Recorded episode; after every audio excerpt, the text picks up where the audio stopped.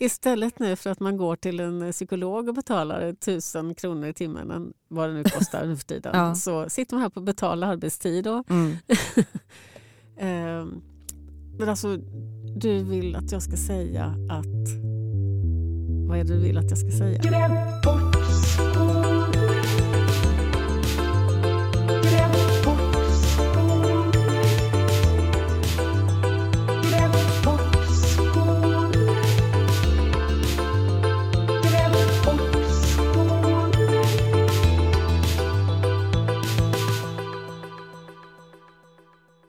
Annette Kullenberg hon var en väldigt besvärlig människa men framförallt var hon en väldigt skicklig journalist. Briljant kanske. Och en av hennes specialiteter det var att hon lyckades få människor som hon intervjuade att öppna sig och säga saker som de inte alls hade tänkt att säga. Detta var en talang som hon var helt oförmögen att använda i sitt privata. Där var hon inte alls lika skicklig på det här känslomässiga. Så när hennes vuxna dotter sa upp bekantskapen med henne för att hon inte stod ut med sin kontrollerande mamma så förstod hon ingenting. Hon kunde liksom inte göra någonting för att reparera skadan. Och det här förhållandet mellan mor och dotter det är en delikat fråga. Det vet vi som sitter i den här studion här idag. Jag heter Maria G. Franke och eh, med mig har jag Rakel Schukri. Hej hej! Kollega på Sydsvenskans kulturredaktion. Välkommen till Grävbort Skåne och ett avsnitt som är helt tillägnar våra mammor och oss själva. kör vi. Nu kör vi. Eh, varför pratar jag om Anette Kullenberg? Jag kanske ska förklara det bara. För att det, har kommit en, ja, tack. Eh, det har kommit en biografi om henne eh, som Anna Hedemo har skrivit. Den heter Solitär.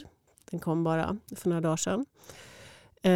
Och där finns en brutal scen just när dottern bryter kontakten eh, med sin mamma. Eh, när hon, eh, dottern Katarina, 28 år gammal, sitter på NKs fik och har liksom bara fått nog av eh, hur eh, Annette Kullenberg lägger sig i hennes liv och vill styra allting och sitter med en kompis och försöker få ordning på detta och har kommit fram till att jag måste bryta kontakten. Um, och då säger väninnan så här. Um, det är ett väldigt drastiskt steg att bryta kontakten med sin mamma. Har du verkligen tänkt igenom det här ordentligt? Tänk om du ändå inte blir fri. Om du får dras med skuldkänslor hela livet. Då är det kanske bättre att behålla kontakten i alla fall och bara ses någon gång då och då.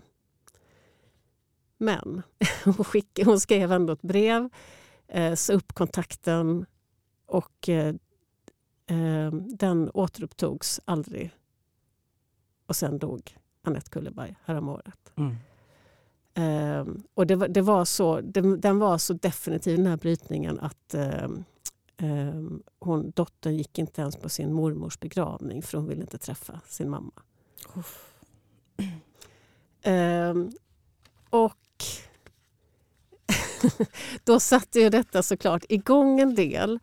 Eh, för man kan säga, jag har tänkt på en del genom många, många år. Jag har tänkt på en del på det här med mamma-dotter eh, förhållandet eh, och främst för att jag själv hade ett uselt förhållande med min mamma. Och eh, den här brytningen har jag aldrig gjort. Eller jag gjorde aldrig det. Hon är död nu. Vi gick liksom aldrig igenom det men vi hade ett antal såna här små brytningar där vi inte hördes kanske på en månad eller ett halvår och någon gång kanske ett år. För att vi var bara helt jävla tokiga på varandra. Jag bara säger Maria, att det, det är ett väldigt, väldigt bra ord. Småbrytningar. Jag tror det är många, många som kan relatera till det. Mm. Eh, det lät som att du kunde göra det. ja, men jag, jag, kan, jag kan berätta om det sen. Eh. Men ni hade småbrytningar mm. och eh, och det gick lång tid innan, innan, mellan att ni pratade med varandra? Mm. Mm. Hej, Synoptik här. Hos oss får du hjälp med att ta hand om din ögonhälsa. Med vår synundersökning kan vi upptäcka både synförändringar och tecken på vanliga ögonsjukdomar. Boka tid på synoptik.se.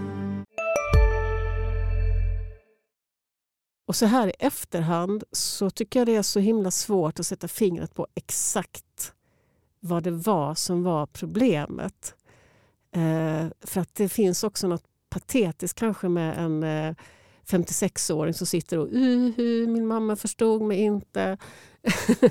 eh, men det är ändå någonting som har satt sig. Eh, och jag tänker inte på det varje dag men jag märker hur det påverkar mig på olika sätt och har gjort mig till den jag är.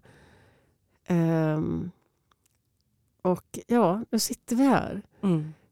Um, och förutom att jag läste den här Annette Kullenberg-boken så läste jag också din artikel, Rake, som du skrev i vår serie Hjärtespalterna som handlade om vad som hände mellan dig och eh, din mamma i samband med att du skulle gifta dig. Mm. Och jag liksom, där, där, en som har mammatrubbel känner igen mammatrubbel när den ser det. Och jag gjorde det. Eh, kan, du inte, kan du inte berätta lite om detta? Den hemliga systerklubben. Ja. ja de som har mammatrubbel. Det, det, är också ett väldigt, väldigt bra ord. Eh, mammatrubbel. Nej, men i mitt fall... Eh, ja, jag ska säga, ja, men jag tror att jag har nog också haft lite så här småbrytningar eller kortbrytningar. Liksom. Men, men det det handlar om var ju helt enkelt att um, det var väldigt viktigt för min mamma att jag skulle eller för båda, men det var väldigt viktigt för min mamma att jag skulle gifta mig med en assyrier. Um, och, um, och redan när jag var liten så fick jag ju höra liksom att man gifter sig inte med någon för att man är kär, utan man gifte sig för att liksom bevara det assyriska kulturarvet, för att få barn, för att hedra Gud.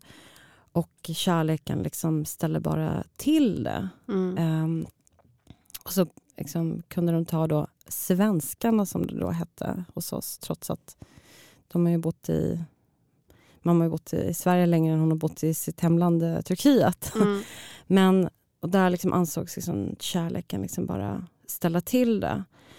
Så att när jag då um, ja, men ville gifta mig med eh, liksom en finsk, norsk, svensk man så blev det liksom, så ställde saker liksom på sin spets. Mm. Helt enkelt. Och jag tänker att det här med Annette Kullenberg tänker jag också att det, det jag kan relatera till är att man har liksom en, en mamma som är väldigt så krävande. Mm. Eh, för min mamma har ju liksom, hon är, så här, hon är jättekristen, superduper religiös. Um, jag menar så här, Svenska kyrkan framstår ju som ett gäng liksom, satanister i, liksom, eller ett gäng hippies liksom, i, i jämförelse med henne. Men jag, men jag tänker just att det svåra är liksom, när man har en mamma som, som, där, man, där man... I grund och botten så handlar det om så här, känner man att ens mamma älskar en för den man är mm. eller att, den har, att mamman har liksom en kravlista. Du ska mm. uppfylla detta och detta och detta. Um, och finns hon till för mig eller finns jag till, till för, för henne? Och jag tänker att den, liksom, den krocken um, liksom, st ställer ju verkligen till det för en, tänker jag. Att mm. om man inte känner att man har liksom blivit älskad för den, för den man är. Uh, för det är ju det det handlar om. Mm. Utan istället att mamman blir någon slags kravmaskin. Du ska gifta dig med en assyrier, du ska vara någon som är kristen, du ska vigas av en präst, du ska, du ska vara x, y, z liksom för att vara en bra assyrisk eh, dotter. Mm. Och jag kan verkligen jag kan liksom förstå dem som känner liksom att de, de liksom bryter för att liksom skydda sig själva. Men jag tror att för min egen del så har jag aldrig... Så kom jag liksom till den punkten att jag liksom bara kände så att jag kommer aldrig kunna förändra henne. Men hon kommer inte heller kunna förändra mig. Mm. Utan att man måste hitta någon slags uh, liksom balans, om man ska uttrycka det snällt. Eller terrorbalans, om man ska uttrycka det lite hårdare. Liksom. Uh. Um, men för mig skulle det aldrig vara liksom ett val att liksom bryta. Mm. Um, men jag, det var det inte för dig heller? Um, nej, det var som att det var något liksom sår som vi båda liksom inte lyckades... Alltså som vi hela tiden var inne och pillade i, som vi inte kunde slita oss ifrån. Um, Och när jag gick i terapi för detta så, eh, så gick den ut på att det här du sa att man kan inte förändra. Den gick ut på att jag inte kan förändra henne men jag kan förändra mig själv och mitt beteende. Så var liksom budskapet som jag fick med mig från den, här, eh, den perioden. Så det försökte jag ju göra på något sätt. Jag försökte förändra mig själv och liksom vara till lags kanske. Ehm, det som du berättar är så, det är, det är väldigt konkret. Eh, även om det finns massa olika andra saker kanske också runt omkring det och bakom så är det ändå en väldigt konkret sak. Um, det här med så, kärleken och giftermålet och prästen. Uh, och jag har inte riktigt någon sån utan det var liksom ett, und ett underliggande missnöje med allt kanske. Mm. Inget var riktigt bra nog och det var inte heller det var inte bara att det inte var jag som var det utan det var allt nästan. Mm. Hon, hon, var väldigt besviken på livet och kunde liksom inte riktigt eh, ta sig ur det. Och eftersom jag var enda barnet så fick jag liksom ganska mycket av den besvikelsen. Um. Men, du, men jag tänker också att du blev liksom medberoende på något sätt. Du blev indragen i att hon mådde dåligt och så blir du nästan medsjuk eller medberoende, eller vad ja, ska kalla det, eller hur? Det tror jag nog. Och hon, alltså hon skulle aldrig gått med på att kalla det för att hon, in, att hon mådde dåligt. För det, det var en sån här sak alltså så här, personer som är svaga och kanske har psykiskt knackigt och sådär är helt utdömda. Eh, det var alltså många sådana här mikrogrejer, eller sådär, kanske både mikrogrejer men också sådana här grundläggande mänskliga saker som vi inte kunde komma... Vi kunde inte mötas. Och jag tyckte hon var helt knäpp. Liksom. Mm. Och, och, hon tyckte jag var helt knäpp. Um, och det infekterade allt infekterade precis allting som mm. vi försökte. Men, va, men jag vet ni, att vad jag... Vad var ni inte överens om då? Um, men, jag förstår att det är en lång lista. en lång lista. Men det är så här, politik, um, hur man... Eh, liksom, vem, också så här vem jag, skulle, vem jag var tillsammans med och som inte var liksom... Eh, kanske tillräckligt, eh, som, ja, som inte uppfyllde vissa krav då. Ehm, hur... Ehm,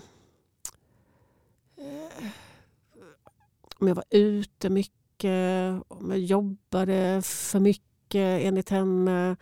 Eh, alltså så här, massor med olika massor med olika saker. Och sen så var jag kanske, jag var säkert ganska elak. För att det blev ett sätt att hantera ehm, men hon var också fruktansvärt elak. Så det var verkligen sånt där, något slags ehm, infekterat som bara höll på och höll på. Jag vet att sådär, när jag någon gång tyckte till slut, nu har vi inte pratat så länge, nu måste jag ringa. Um, och, och, min man då sa så här, men ring inte. du vet hur det blir. Och så sa jag, jag måste ringa. Och så ringde jag och så blev det bara katastrof. Mm. Um, och så bara så, om och om igen. Mm. Um, det finns också någonting i... Alltså den här, liksom, jag hatar verkligen ordet resa över mm.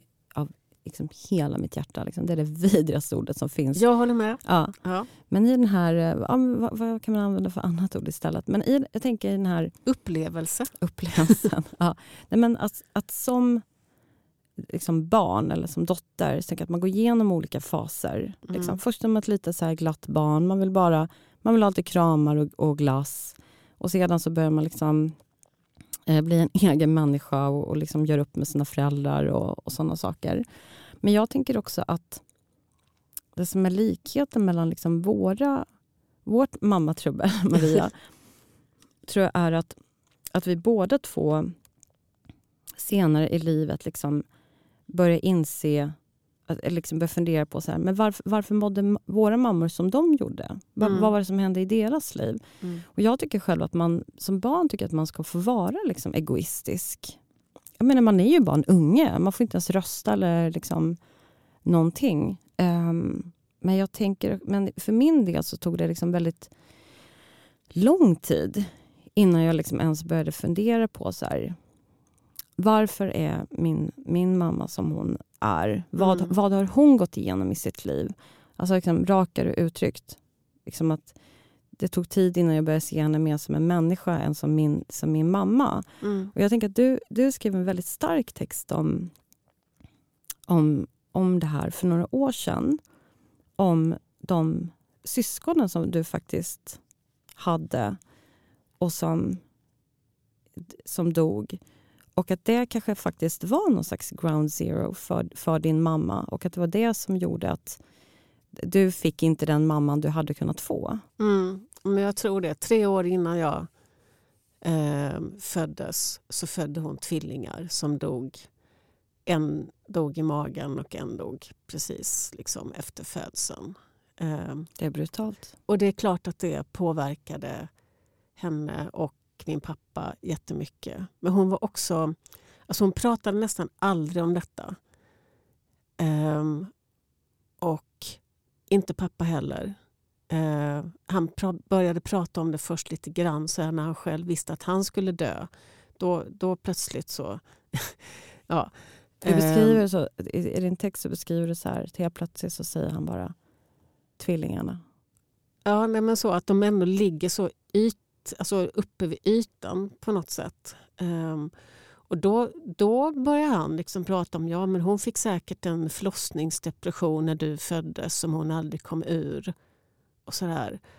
Um, ehm, men då är det också helt... Det kan ju ha varit någonting som han kom underfund med väldigt sent också. Men um, min sån här egen psykolog, amatörpsykolog inre amatörpsykolog säger att hon, det kanske det var det som hände när hon födde mig. Att det blev så himla dramatiskt med att föda ett barn till. Eh, och sen eh, så kom hon aldrig ur det. Mm.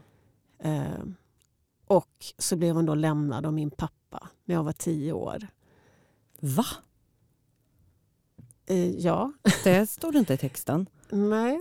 Men man skriver inte alla grejer i samma text. Nej. Eh, nej men så, så var det. Då träffade han eh, en gammal ungdomsförälskelse. Och, eh, Förlåt, så Ja. ooriginellt. dock inte jättemycket yngre, utan han var lite äldre faktiskt. okej. Mm. Ehm, och ehm, och då, var det hon, då var det bara hon och jag kvar. Mm. Och så blev det, en väldigt, alltså det blev väldigt infekterat mellan dem också. Ehm, och strid om umgängesrätt och sådär. Så att under många år så träffade jag aldrig min pappa. Utan det var, och vi flyttade, jag och mamma, hit ner till Skåne. Mm. Ehm, så då, var, då blev vi väldigt tätt in på varandra. Och, bod, och jag bodde hemma alldeles för länge. Jag bodde hemma tills jag var 20. Också ett stort misstag att jag inte um, stack iväg tidigare. Mm.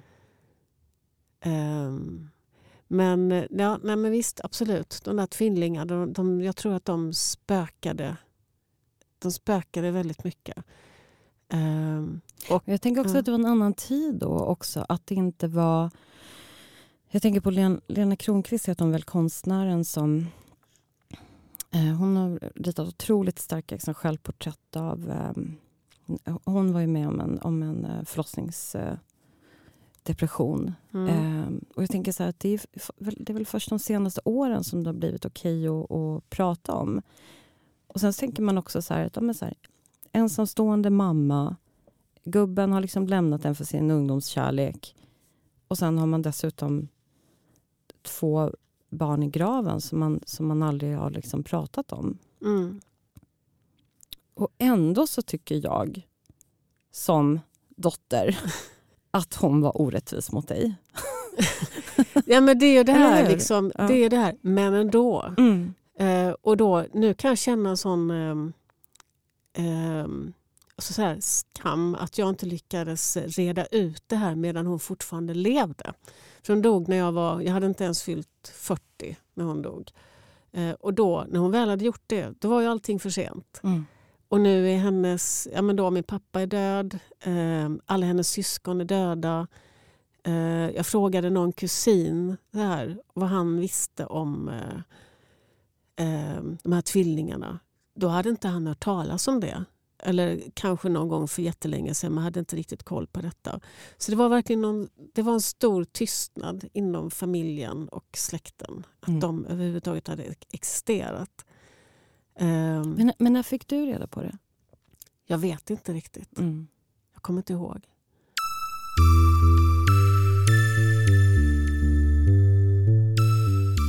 Det är så himla intressant det här med som du säger, liksom, att du kan känna så en skam. Det är ett jättestarkt ord, Maria. Att du känner skam över att du inte ordnade upp det. Jo, men vet du varför? Varför? Ja, varför? För att jag inser ju, nu inser jag, alltså så 20 år efter att hon dog ungefär, inser jag ju att hon, alltså att hon på något sätt hon var svag. Hon föraktade svaghet, men hon var svag. Hon hade det jobbigt. Det fanns en förklaring till att hon var som hon var. Jag hade det mycket bättre än vad hon på något sätt hade det. Att jag borde haft styrkan att göra någonting åt det. Men då glömmer jag bort det här att man inte kan förändra någon annan. Och när hon hade fått sin första stroke och var liksom ganska, alltså egentligen helt i princip utslagen. Då var det en sjuksköterska som sa till mig, hon kunde väl, hon kunde väl lukta sig till det här mammatrubblet lång väg på sjuksköterskors vis Mm. eh, som ser saker. Då sa hon så här, om det är någonting som du tycker att du inte har fått sagt till din mamma i livet så kan du passa på nu, för nu, måste, nu ligger hon där, nu, måste hon, eh, nu, nu kan du säga det.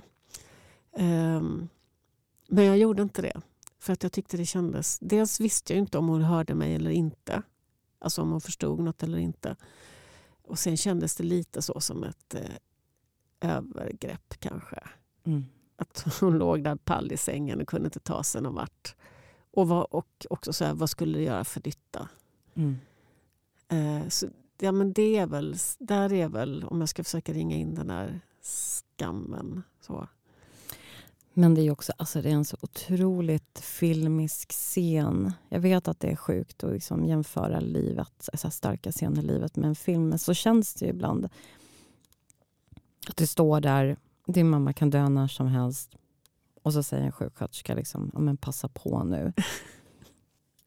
Eh, men jag förstår alltså det, att du beskriver det som att, att, att det skulle vara ett övergrepp. För på, på, Mm. på ett sätt så skulle det ju vara det. Och samtidigt som man också kan känna så här att det är klart att du som hennes dotter också hade, skulle ha rätten att någon gång liksom säga liksom, du har gjort mig illa eller liksom, ditt beteende har gjort att jag liksom beter mig så här. Så här. Mm. Men har du någonsin ångrat dig då? Att du inte, att du inte höll ditt eh, hate speech där sjukhuset? Ehm, Eller sorg speech, förlåt. eh, kombination kanske. Mm. Eh, nej, egentligen inte. Eh, jag, jag tycker mer det var en så här... Det, alltså det, var- det var så bisarr sak av... Alltså jag tror kanske att man skulle hade, man kanske hade kunnat bli hjälpt av det. Men jag tyckte där och då att det var en så här bisarr sak av sjuk, att, att bli uppmanad att göra. Um, och jag har nog ändå landat i att jag inte... Alltså jag tror inte att det skulle ha gjort någon... Även om hon hade hört mig, hur skulle vi kunna just då kunna förstå varandra? Hur skulle vi kunna nå in i varandra vid det tillfället när vi inte hade gjort det tidigare? Mm. Men jag, alltså, jag, jag tänker ofta på Ingmar Bergman i alla, i alla möjliga, i alla möjliga Du sammanhang. Du är besatt. Och eh, eh, ett av mina favoritcitat eh, som han har sagt i en intervjubok det är det här. Jag hade den föreställningen att vissa barn föds ur kalla sköten. Och sen lite senare så pratar han så här om kedjan av kyla, av aggression och av leda.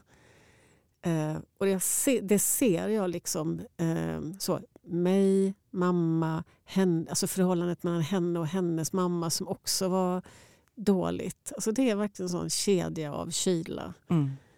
Eh, Bergman alltså. Smart kille. Ja. Eh, Men vad hade du velat säga till henne?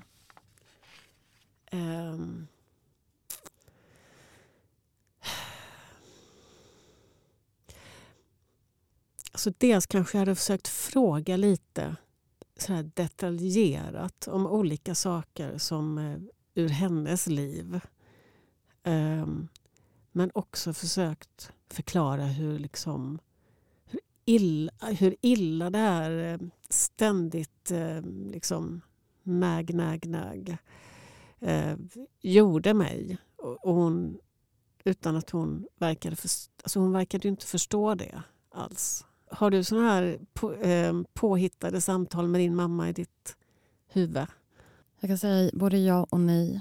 Um, jag tror att vi har liksom pratat om... Vi har haft massa så här vilda debatter. Jag tänker det är en intressant liksom, skillnad mellan våra liv. Liksom, för att du, I den här otroligt starka fina texten så skriver du att det var så mycket tystnader. Mm. Um, så mycket saker som ni inte pratar om. Jag kan känna att mitt hem var liksom som en debattklubb där eh, jag liksom så här, vet, ja, kritiserade vissa traditioner i vår kyrka eller eh, försvarade homosexuellas rättigheter. Eller, ja, eh, jag var liksom en rabiat feminist helt enkelt och hon var liksom en, ja, en, en kristen djupt kristen kvinna. Liksom. Så vi har liksom bara, det var debatt efter debatt efter debatt efter debatt. Liksom. Um, men jag har liksom aldrig... Det, jag ska säga så här. Jag skulle aldrig liksom på något sätt säga så här jag har inte känt mig tillräckligt älskad eller någonting sånt. Mm. För att för mig har det aldrig varit ett alternativ. För mig har den relationen mellan föräldrar och barn som har funnits i mitt sammanhang har liksom mer varit att alltså barnet finns till för föräldrarnas skull. Man ska liksom hålla sig i skymundan, man ska inte stöka till det, man ska få bra betyg, man ska liksom, liksom få ett bra jobb och gifta sig väl och hedra sina föräldrar och bla bla bla. bla, bla. Allt, mm. allt det där liksom. Um, och jag kommer ihåg att jag också gått i terapi. och jag kommer ihåg att jag hade en terapeut som, som sa så här att uh, en förälder ska känna villkorslös kärlek till sina barn. Mm. Och Jag kommer ihåg att jag bara skrattade rakt ut. Bara så här, Skämtar du? Liksom, vad snackar du om? liksom. Utan för mig var det liksom mer att... Um, jag tror också att det är en grej som många så här, barn till migranter liksom känner. att De har föräldrar som är så här vi har lämnat allting vi kände till för att ni skulle få det bättre än vad vi hade det. Och Ni har liksom tak över huvudet och mat och bla bla bla. bla, bla. Känner ingen press. Känner ingen press, nej nej. Och nu ska ni bara uppfylla, liksom, lyckas med allt det som vi inte fick göra. Mm. Liksom. Mm. Plugga på universitetet och tjäna massa pengar. Och, liksom. Så att det, att det handlar, för mig handlar det mycket om att i uppväxten att det var liksom så materiella krav. Liksom, mm. På något sätt. Och att kärlek... Eh, att liksom mina föräldrar liksom, och andra migrantföräldrar liksom visade kärlek genom att liksom, barnen hade kläder på kroppen, eh, mat att äta och möjlighet att plugga på universitet. Liksom. Ja. Um, och det är klart, det är också kärlek, men det var inte kärlek så som jag såg den liksom på film. Och Jag hade också den här bilden av att så här, svenska barn, eller svensk-svenska barn, att de liksom hade så föräldrar som typ gullade med dem. och man hade en lite gullig mormor som bakade bullar. Jag hade en mormor som typ så knäckte märgben och ben, sög ut märgen. Liksom. Du vet. En macho-mormor. Macho-mormor, ja. Men samtidigt så har jag liksom aldrig... Um, så jag, var, jag förstod liksom väldigt snabbt så här, men vad det var för slags relation vi, vi, vi hade. Liksom. Och att den typen av så här, gulligull-kärlek som man såg i barnprogrammen på SVT var liksom inte ett alternativ. Mm. Men jag tror också att det här som du liksom säger om liksom, dina syskon, tvillingarna som dog, att jag blev också medveten efter ett tag om att det fanns ett syskon till. Mm. Vilket ju var ofattbart. För att vi var ju åtta syskon. Jag har ju vuxit upp i Jönköping med mina sju bröder. Mm. Och sen efter ett tag så fick jag reda på att det finns en till. Det finns ett nionde syskon i Tyskland. Um, och sen så kom det ju fram att mamma hade ju varit gift tid, en gång tidigare. N när fick du reda på detta? Ja, men det är precis som du. Jag, mm. jag minns inte riktigt Nej. det.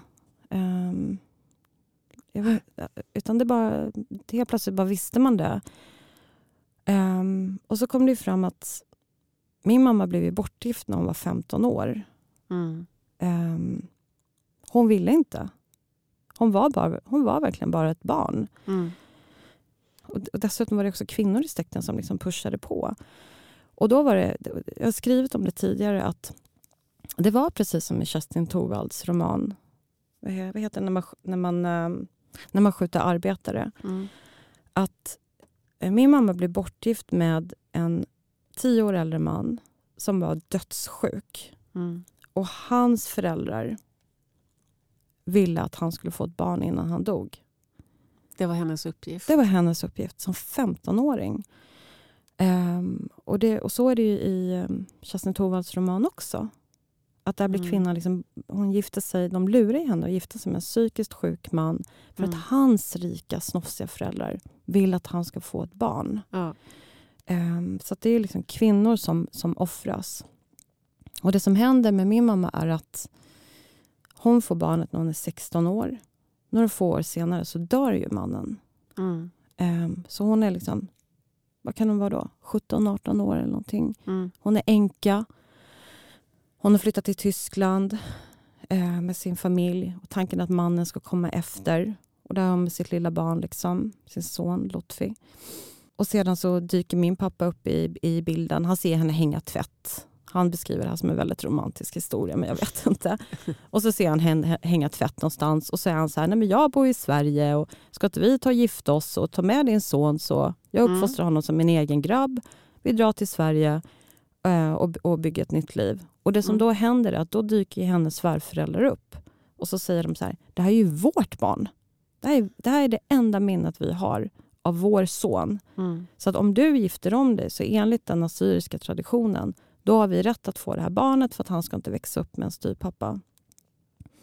Och det som då händer är att hennes, liksom majoriteten av hennes släkt pressar ju henne att lämna ifrån sig det här barnet.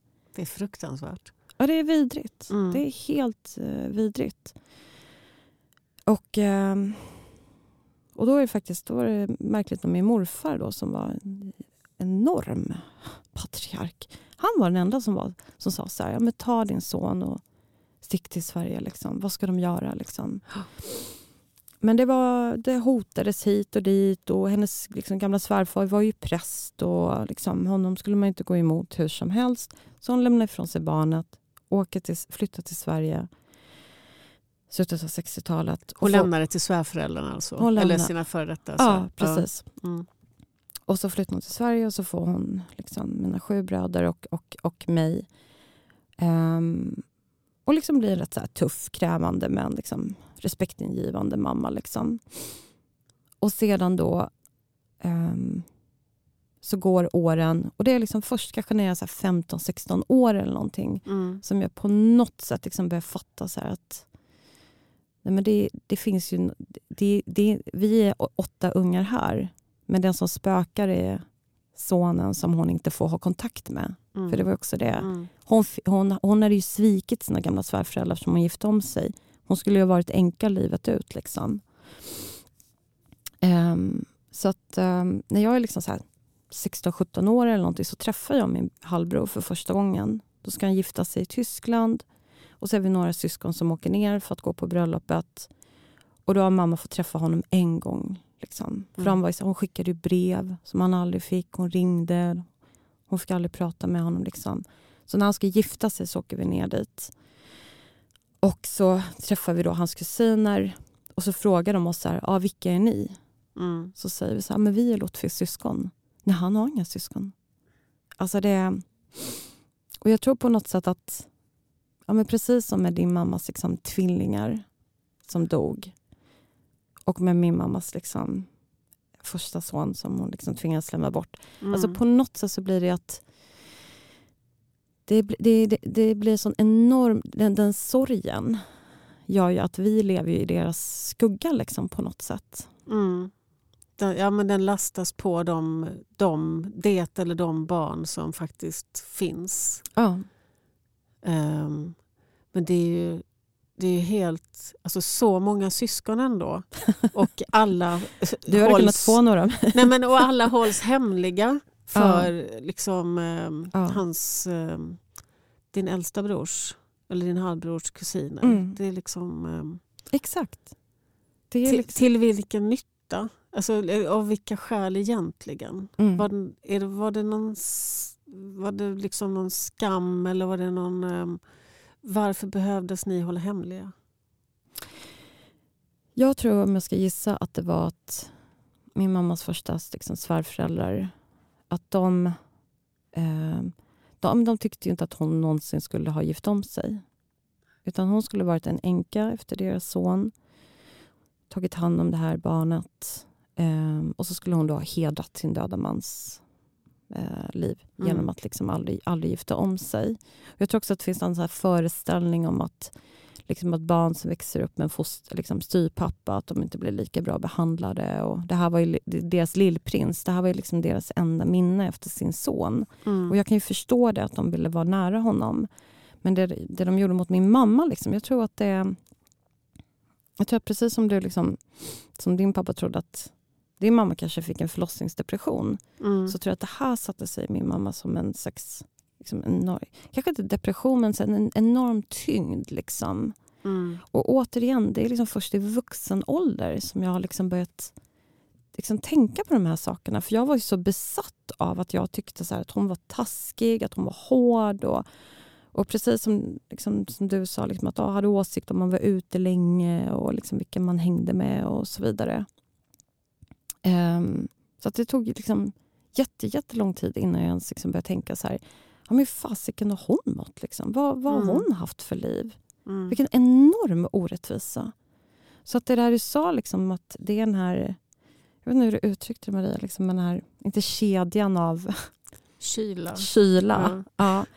Då tror jag att hon har haft det liksom, gentemot sina föräldrar. Mm. Liksom. Men hur fan kunde ni gifta bort mig som 15-åring? Alltså, än idag jag tycker att det är så här, det är fucking ofattbart. Liksom. Mm. Jag ser 15-åringar idag och tänker ibland på henne liksom att shit. Det... Mm. Ja, men allting kommer någonstans ifrån. Man, alltså, det här, man, man är så, först är man så inriktad på sig själv och sitt. Men sen när man inser då att det kommer någon annanstans ifrån från början. Mm.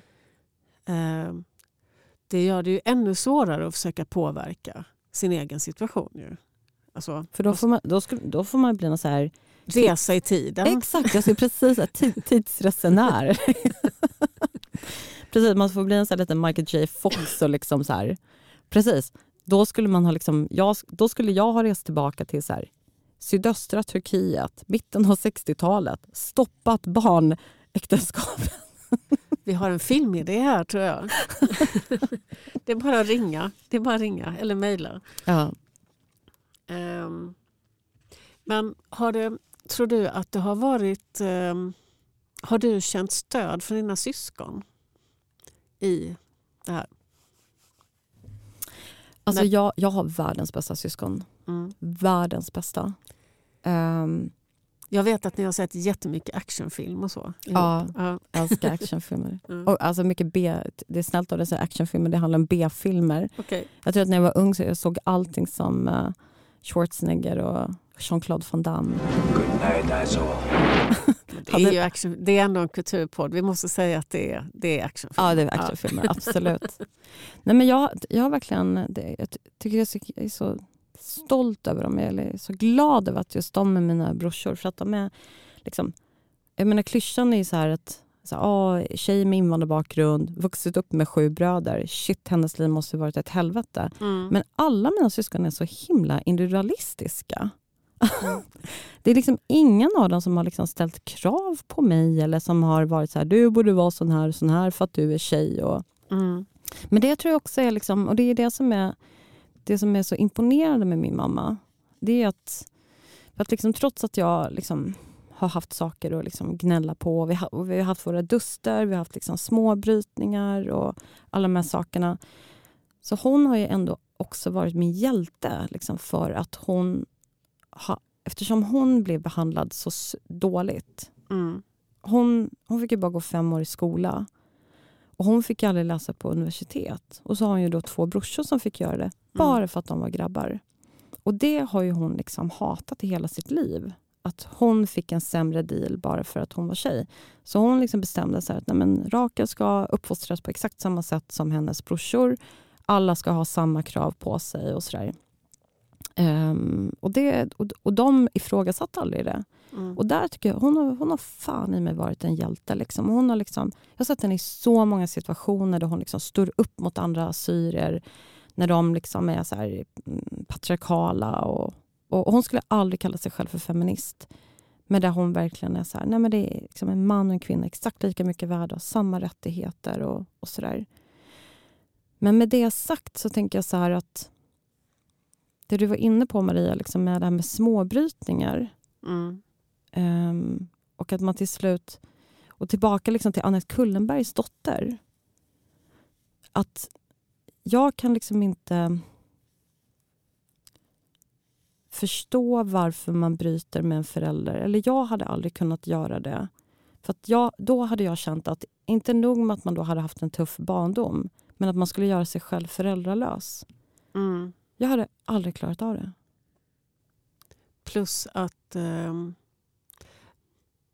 jag, jag tänkte nog också så efter, eftersom jag var enda barnet och hon, det var inte bara med mig som det var bråk. Liksom, utan det uppstod bråk på alla möjliga håll och kanter. Eh, så på ett sätt, om hon inte hade mig, även om det var dåligt att ha mig, eller alltså om det var dåligt, ett dåligt förhållande, så var det ändå något.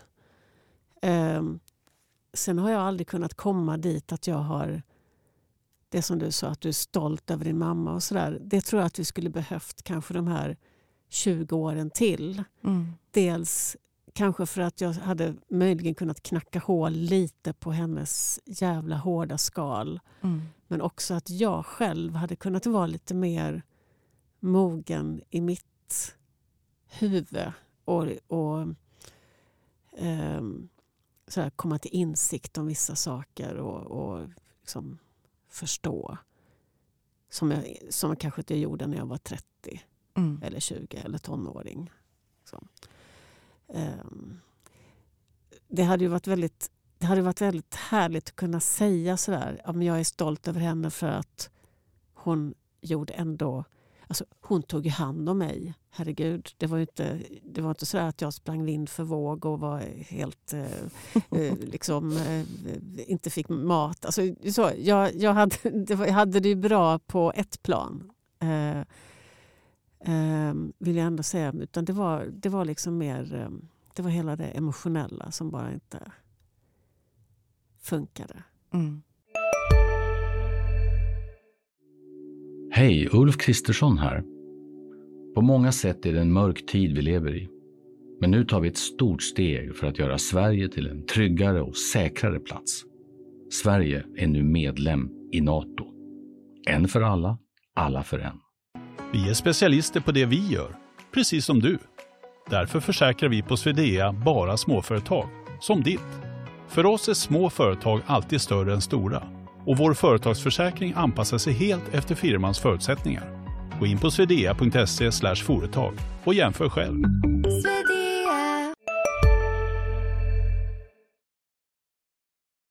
Mm, jag tycker att man, om man har de här mammorna som liksom har levt tuffa liv som har gjort att vi som döttrar har levt tuffa liv så jag tycker jag faktiskt att vi också har rätt att fantisera kring vad fan, vad, vad, vad fasken var det som ledde fram till det här? Liksom? Vad gjorde mm. att de blev som de blev? Som gjorde att vi fick de mammorna vi fick, liksom, på gott och ont. Um, jag, jag tänker att vi får fylla i det själva. Liksom. Mm. De har hanterat sitt på ett sätt som de var förmögna till. Liksom. Och, och detta är vad vi gör då. Mm. Vi sitter här i en poddstudio. ja. Men det um. finns att, jag kan nämna, eh, men jag tror faktiskt också att uh, inte, inte för att man jobbar på en kulturredaktion och måste göra reklam för att kultur är bra. Men, men, men jag tror också att, um, att filmer och böcker faktiskt kan vara ett substitut för det katarsis som man själv aldrig har fått i sitt eget liv. Mm. Jag tänker, oh, ja. Eller hur? Ja. Och jag kan ge ett exempel på en sån film. Och Det är faktiskt uh, den här lite utskällda filmen som vann Oscar för bästa film. Everything Everywhere All at once. Mm.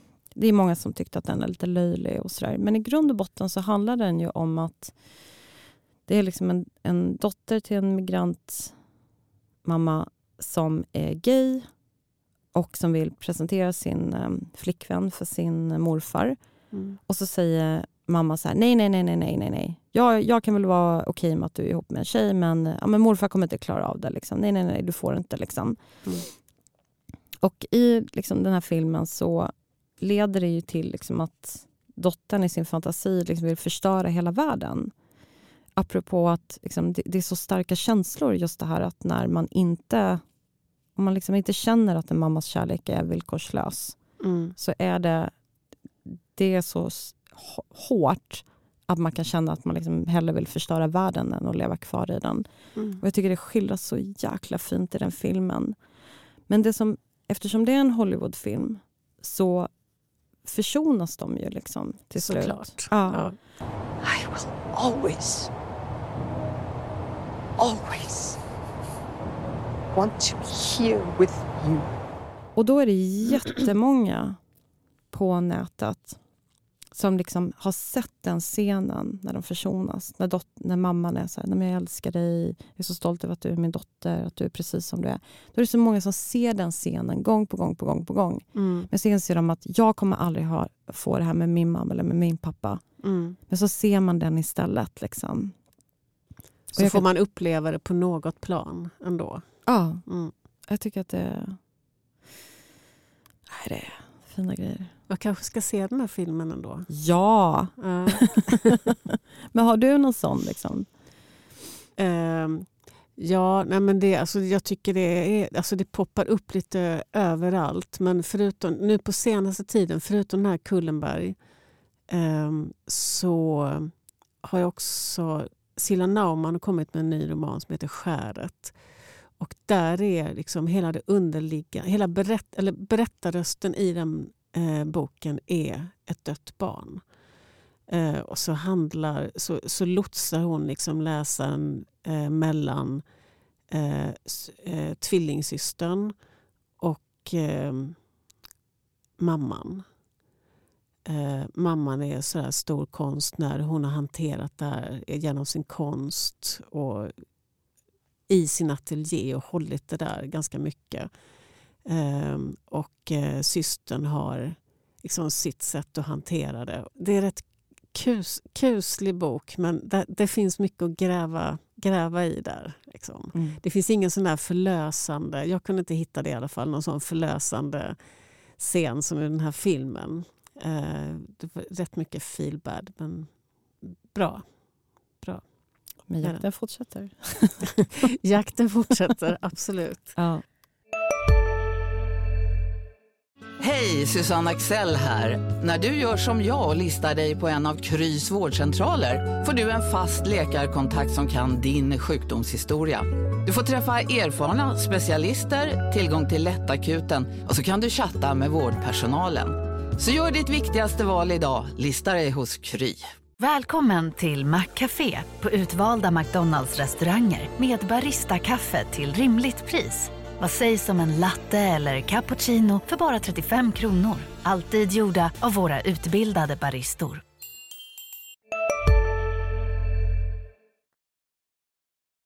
Det, det tar ett helt liv. Man, jag tänker så, man får grubbla över de här sakerna ett helt liv. Jag tänker en av de liksom en otroligt imponerande författare som heter Asia Jabar. Mm. Född i Algeriet, uppvuxen i, eller flyttade till Frankrike sen. Hon var tvungen att skriva en lång rad romaner innan hon ens kunde närma sig sin liksom svåra relation med pappan under, under uppväxten. Liksom. Mm. Ehm, och jag tror hon var liksom långt över 70 när hon skrev liksom sin, sin självbiografi om hur hon hade påverkats av liksom hans rätt tuffa pappande. Liksom. Mm. Så att jag tänker att det, man blir liksom inte färdig med det här. Och det är liksom, jag menar, vi är inte heller någon slags... Eh, det, det är alla de här självhjälpsböckerna, allt det där, de har ju fel. Liksom, att vi människor, vi, vi är inte så enkla att, att, att fixa. Liksom. Nej, att- man har ingen nytta av det. Nej. Eh, men så, kolla på ja, men så, Bergman, kolla på eh, Alex Schulman. Han Mm. gör ingenting annat än att, även när han skriver uttalat fiktion, så är det ändå att han gräver i så här, familjen, mamman. Mm. Eh, det är ju ett klassiskt ämne. Man behöver inte känna sig Man behöver inte känna sig ensam. Det behöver man inte Nej. i detta. Det är ändå en sak. Som jag tror kanske att i alla fall att min mamma gjorde väldigt mycket. Att hon kände sig ensam i allt det här. Om hon på något plan reflekterar själv över saker så, så hade hon ingen att diskutera med. Mm. Ehm, men ehm, Men det har du. det, har har, du. det har jag. Frågan är om vi ska försöka knyta ihop den här mammasäcken. F- finns det någon... Hur mycket nytta är det, tror du, Rakel, att hålla på och älta detta? Jag kan säga så här, under, Mm. under stora delar av mitt liv så har jag kört eh, tryckkokarmetoden. Metoden. jag bara, liksom bara tog allting och bara tryckte ner det så långt bort. Bara, liksom, Mm. ehm, ja, tills det exploderade. Då. Det tyckte jag var en jättebra metod liksom. under lång, lång, lång tid. Eller liksom under, under, min, ehm, under min uppväxt. När fungerade den? Eller när kändes den som... I vilken cykel av det här trycka ner, explodera? Alltså när kändes det... Det var Som när jag bäst. hade massa fester att gå på, människor att hångla med. Ehm, roliga äventyr. Då funkar det jättebra, för då är man Mm. liksom ung. Mm. Då ska man inte bara hålla på och älta liksom, liksom relationen med sina föräldrar, tycker jag. Så då trycker man ner det. Ja.